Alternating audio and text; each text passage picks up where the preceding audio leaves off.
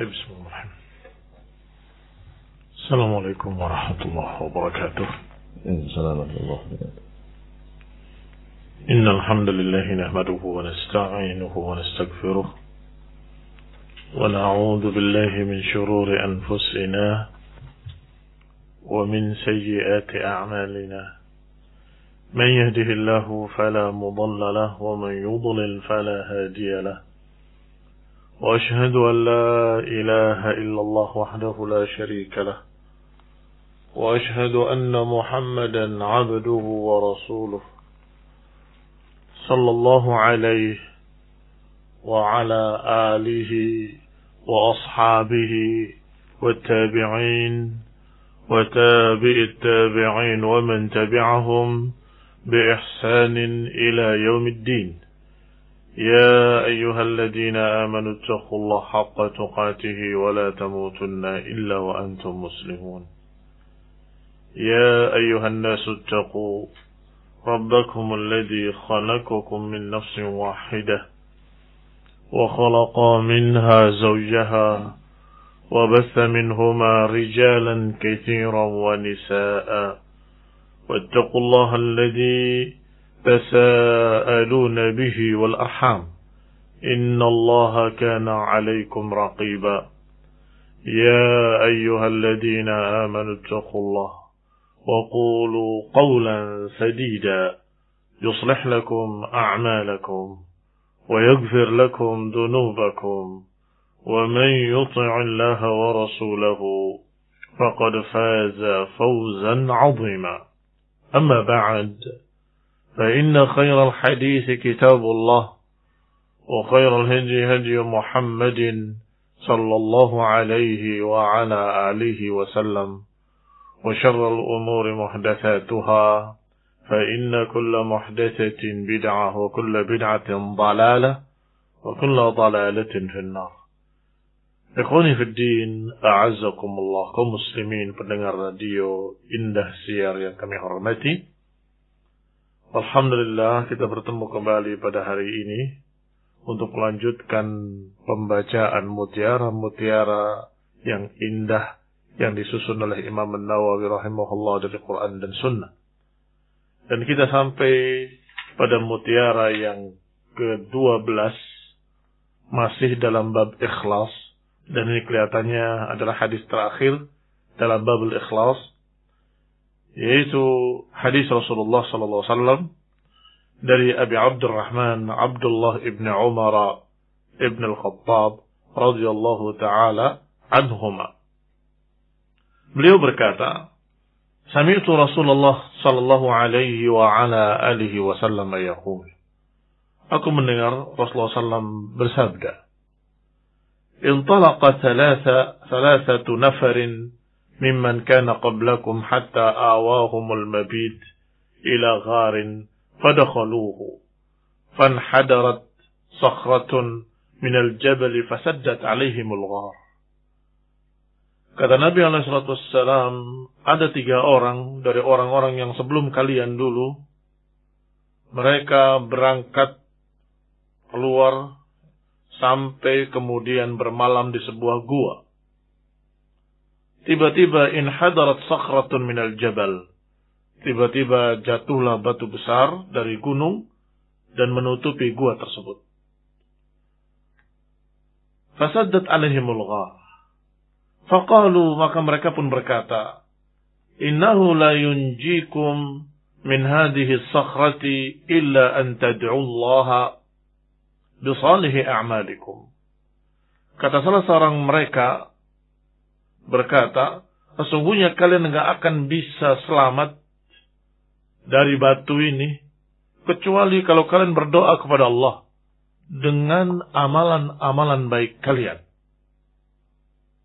Maksudnya dengan amalan-amalan baik adalah dengan perantara amalan baik. Karena memang tawassul dengan amal saleh adalah tawassul yang syar'i. Berupaya berdoa kepada Allah dengan amalan saleh yang pernah dia kerjakan. Qala rajulun minhum. Maka seorang dari mereka berkata dalam doanya, Allahumma kana li abawani Sesungguhnya aku memiliki dua bapak dan ibu, dua orang tua yang sudah tua. Syaikhan kabiran. Keduanya sudah tua. Wa kuntu la aghbiq. Qablahuma ahlan wala malan. Dan sesungguhnya aku sudah bertekad tidak akan meminum susu sebelum keduanya sebelum bapak dan ibuku. Aku tidak akan mendahuluinya. Dan tidak pula ahlan wala malan. Ahlan keluarganya, malan adalah budak-budaknya. Artinya tidak akan mendahului untuk meminum susu tersebut. Apakah dirinya, atau keluarganya, anak-anaknya, ataupun khodimahnya, atau pembantunya, budak-budaknya. Pokoknya orang tua harus lebih dulu. Fana'a bi talab syajar yawman falam arih alaihima hatta nama fahalabtu lahuma ghabuqahuma fawajadtuhuma naimatain. O naimain. Pada suatu hari, kata beliau, Aku seperti biasanya mencari pohon-pohon, mencari ranting kayu dan sebagainya. Tetapi saat itu aku tidak bisa kembali kecuali dalam keadaan mereka sudah terlelap tidur. Maka aku seperti biasanya menuangkan susu di bejana untuk kedua orang tuaku. Kata beliau, kata orang tadi, Ya Allah, dalam keadaan aku sudah berjanji dan aku sudah bertekad tidak akan mendahului meminum susu sebelum orang tuaku Antadir istiqadahuma hatta bariqal fajr. Aku tidak bisa membangunkan keduanya. Tidak mau mengganggu tidurnya. Tetapi juga tidak mau mendahului meminum susu. Maka aku tunggu, aku duduk menunggu beliau-beliau bangun. Dalam keadaan bejana susu tadi ada di tanganku. Ikhwani fidina azakumullah kata beliau antadru istiqadahuma hatta bariqal fajr was-sabiyatu yatadaghawna 'inda qadami Aku tetap seperti itu sampai pagi hari menunggu beliau bangun. Aku tidak akan membangunkannya karena itu akan mengganggu keduanya. Tetapi juga tidak akan mendahuluinya dan tidak akan mendahulukan istri dan anak-anak ataupun budak-budakku sehingga Aku terus menunggu dalam keadaan duduk sampai fajar. Sedangkan anak-anakku dalam keadaan di kakiku menangis. Fastaiqadha, maka keduanya pun bangun setelah fajar. Fashariba ghabuqahuma, keduanya meminum susunya seperti biasanya. Maka kemudian baru aku berikan pada yang lainnya. Ya Allah, in kuntu fa'altu dhalika ibtigha'a wajhika Fafarrij anna ma nahnu fihi min hadhihi sakhrah. Ya Allah, kalau ini perbuatanku yang ikhlas karena engkau yang betul-betul mengharapkan wajahmu, maka kabulkanlah doaku. Lepaskanlah aku dari kesusahan ini. Bebaskanlah aku dari batu ini. Fanfarajat syai'an. La yastati'una al-khuruj minhu. Maka batu itu bergerak terbuka sedikit, tetapi masih belum bisa keluar. Maka yang kedua pun berdoa. Allahumma innahu kanat li ibnatu ammin. Kanat ahabbun nas ilayya. Ya Allah, aku memiliki seorang ibnatu ammin. Anak perempuan pamanku. Berarti saudara misan ya. Ya Allah, aku memiliki saudara misanku, anak pamanku, yang paling aku sukai, paling aku cintai. Wa fi riwayat kuntu uhibbuha ka'ashad ma yuhibbur rijal nisa. Atau dalam riwayat disebutkan oleh beliau, oleh orang ini.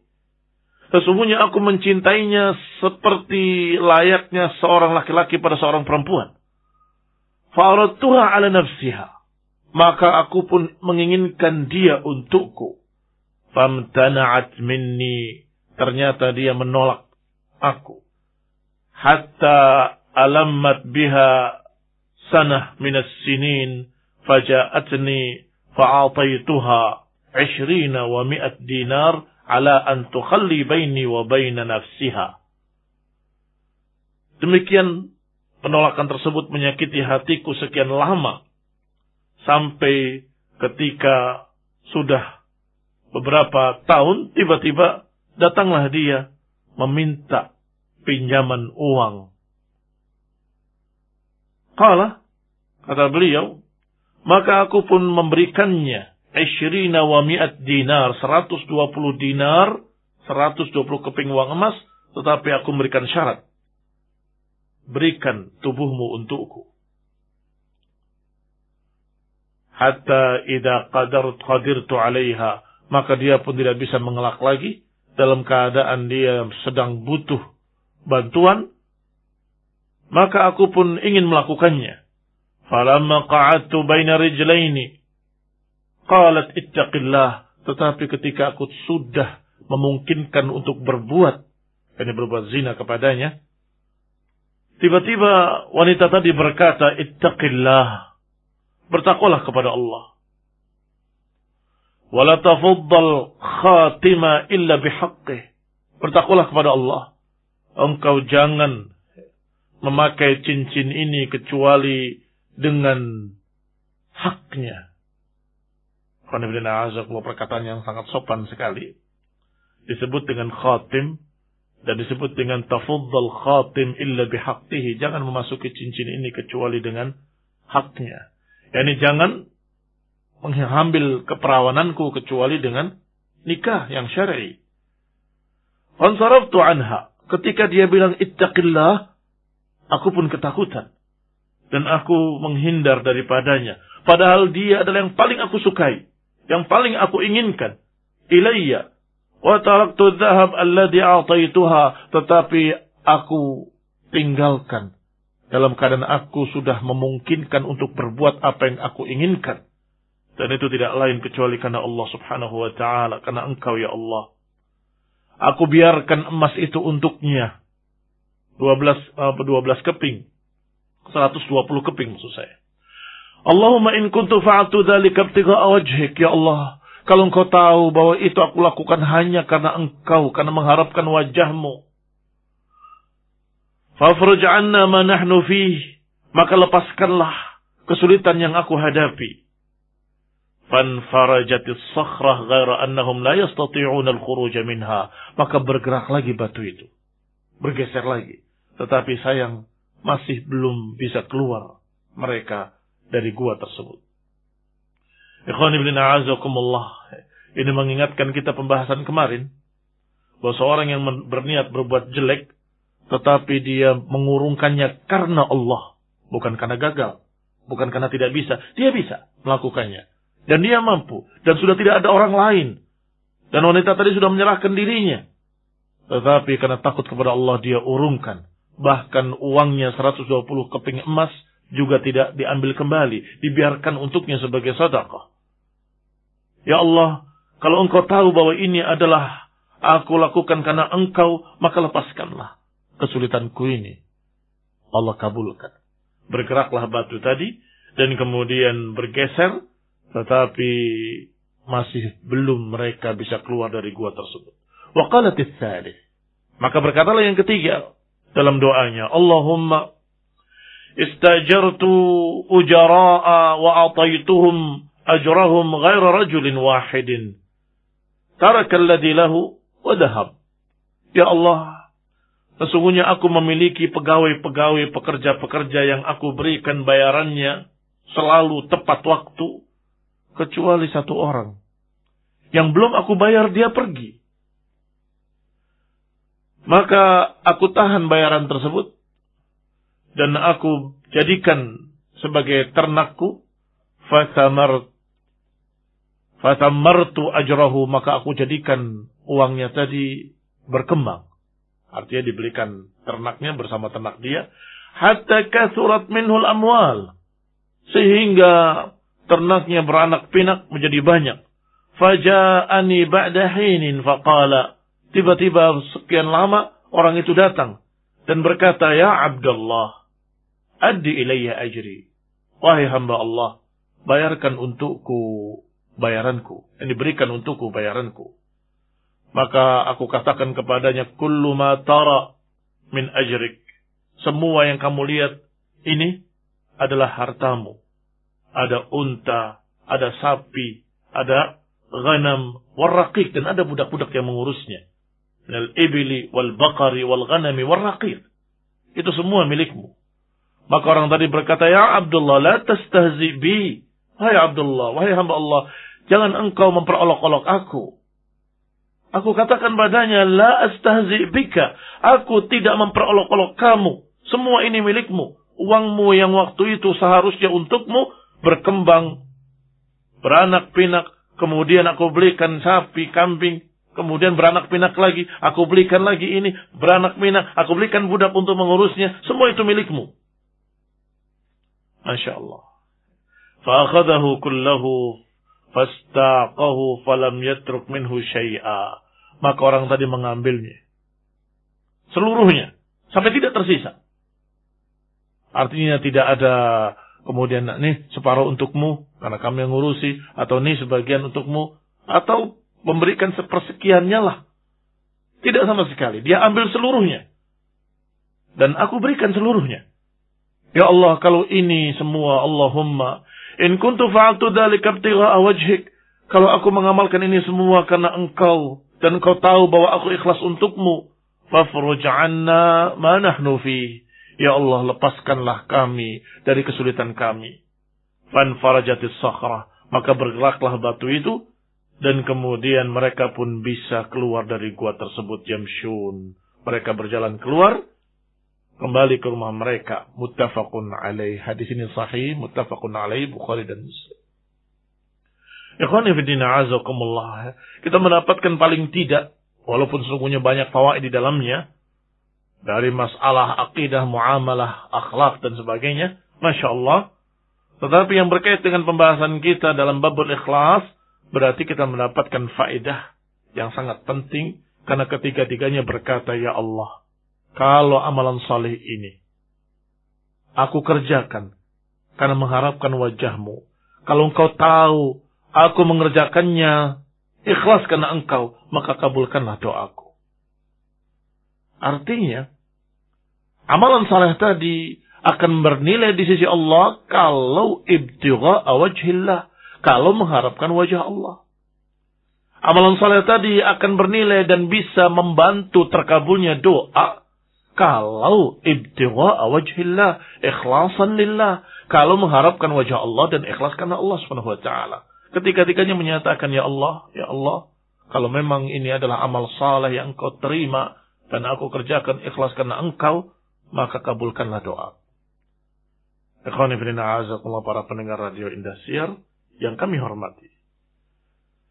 Yang pertama, menceritakan dirinya bahwasanya dia mementingkan orang tuanya lebih daripada istrinya, anaknya, dan juga apalagi budak-budaknya. Karena Allah SWT sampai dia duduk menunggu orang tuanya bangun semalaman. Semalam suntuk sampai pagi. Mau membangunkan khawatir mengganggu.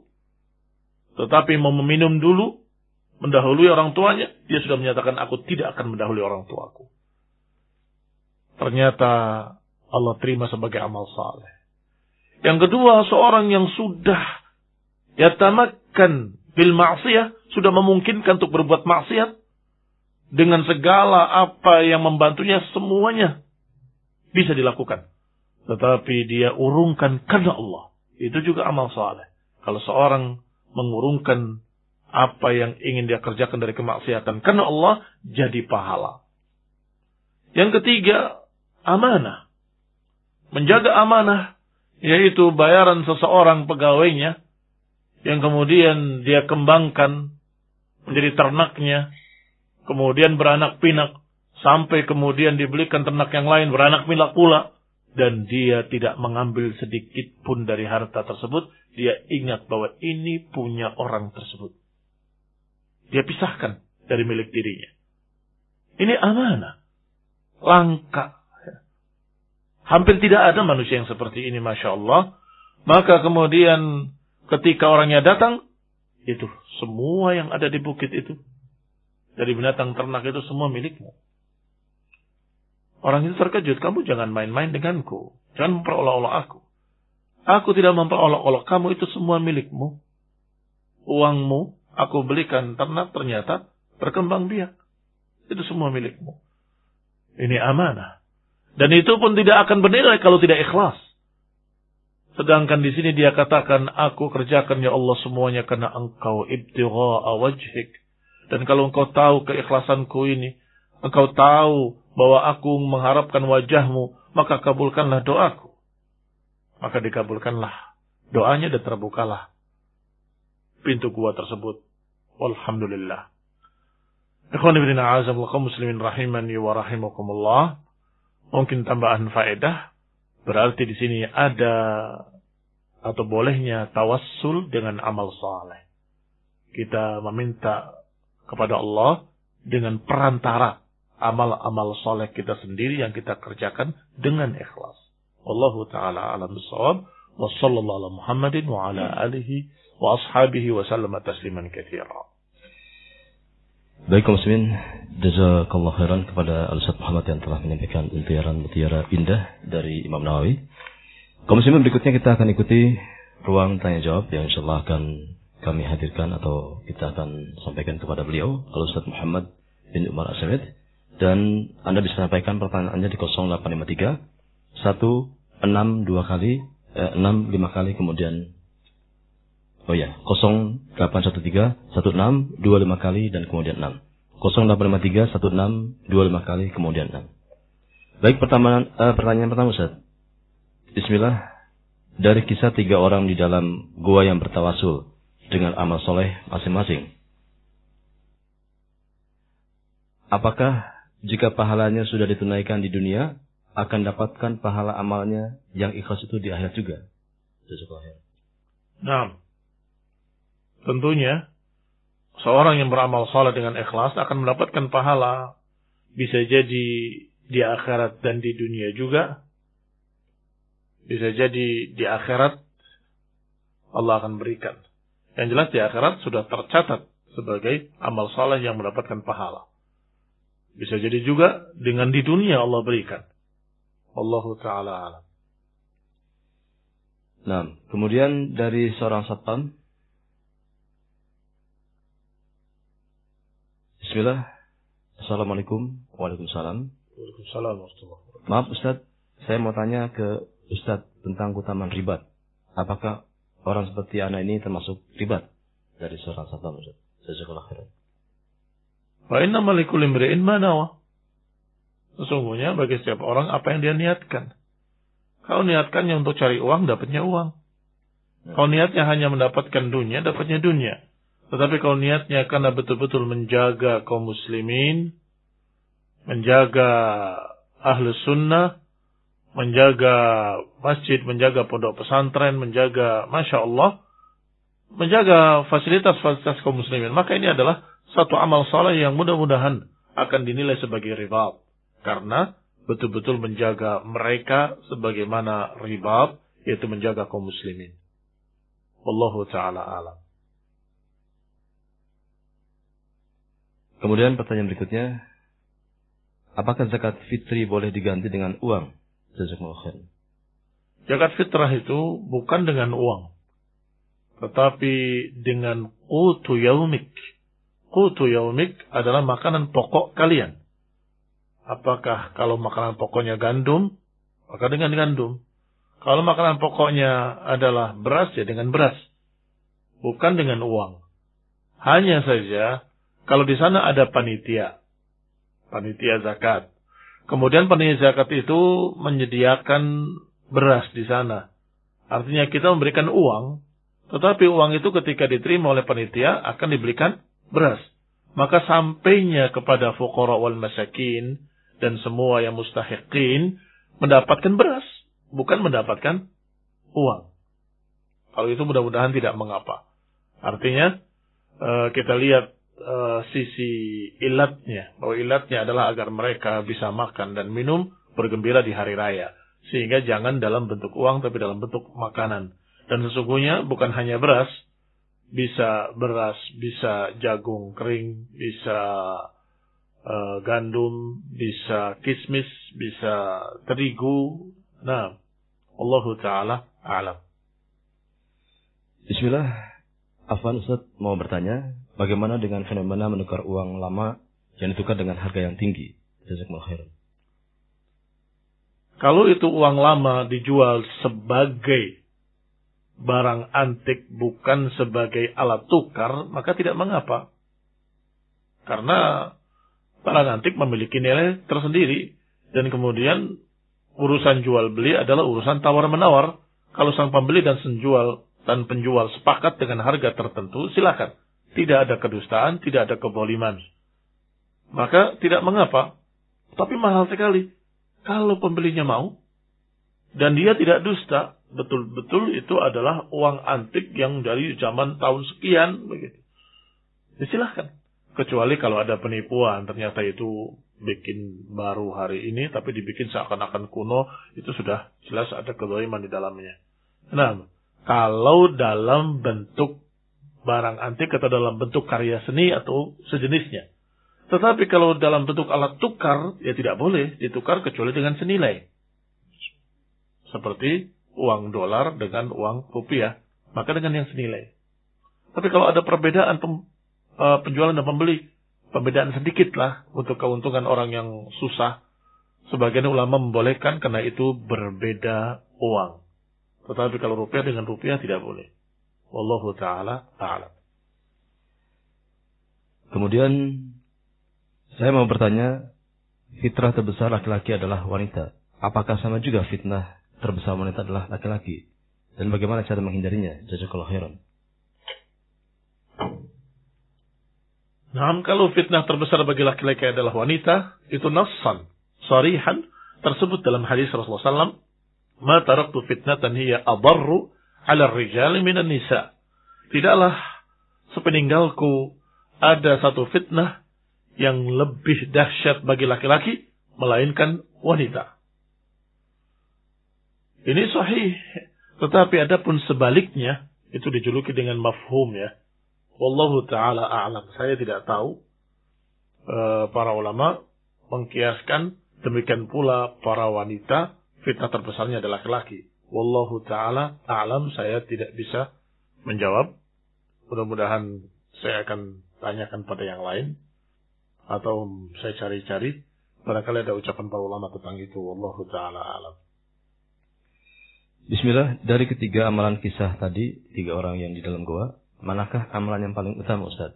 Jazakumullah khairan. Masya Allah semuanya utama. Karena masalah orang tua itu perkara terbesar sehingga selalu diiringkan setelah hak Allah tentunya dan Rasulnya, kemudian hak orang tua. Sebagaimana dalam sekian banyak ayat, Allah katakan untuk beribadah pada Allah, wabil walidaini ihsana. Beribadahlah pada Allah dan berbaktilah pada orang tua. Selalu begitu. Demikian pula syukur anishkur li wali walidai. Bersyukurlah kepadaku dan kemudian kepada kedua orang tuamu. Sehingga itu perkara besar. Demikian pula yang kedua, jarang-jarang, hampir-hampir ya, tidak ada orang yang sudah mendapatkan kesempatan seperti itu untuk bisa berbuat zina di hadapannya seorang wanita yang cantik yang paling dia cintai dalam keadaan sudah memberikan dirinya karena butuh uang. Tetapi kemudian disebutkan di sini lafadznya sangat jelas ya. Tadi saya terjemahkan dengan samar-samar. Sesungguhnya disebutkan di sini ada ala rijlai, sudah duduk di antara dua kakinya. Artinya ini orang hebat sampai bisa menghentikan rencananya dalam keadaan sudah qa'ada ala rijlai, ala rijlaiha. Dia sudah duduk di antara dua kaki wanita tadi. Tetapi dia urungkan karena takut pada Allah dengan kalimat ittaqillah. Gemetar dia, ketakutan dia dan kemudian mengurungkan takut pada Allah SWT. Ini tidak mungkin terjadi kecuali pada orang yang sangat-sangat beriman pada Allah Ta'ala atau orang yang betul-betul takut kepada Allah Subhanahu wa taala. Nah, demikian yang ketiga. Amanah juga perkara besar. Amanah ini sampai-sampai dikatakan pertama hilang dari umatku adalah amanah. Kata seorang dari salaf menyatakan, dulu aku berdagang kepada kaum muslimin aku mengandalkan amanat mereka. Kepada orang kafir uh, mengandalkan keislaman mereka. Dan kepada orang-orang kafir aku berdagang mengharapkan uh, kejujuran mereka dan amanah mereka. Artinya Islam sudah jelas keislamannya. Kami yakin mereka akan jujur dan amanah. Orang-orang kafir pun aku lihat mereka kalau berdagang jujur saat itu.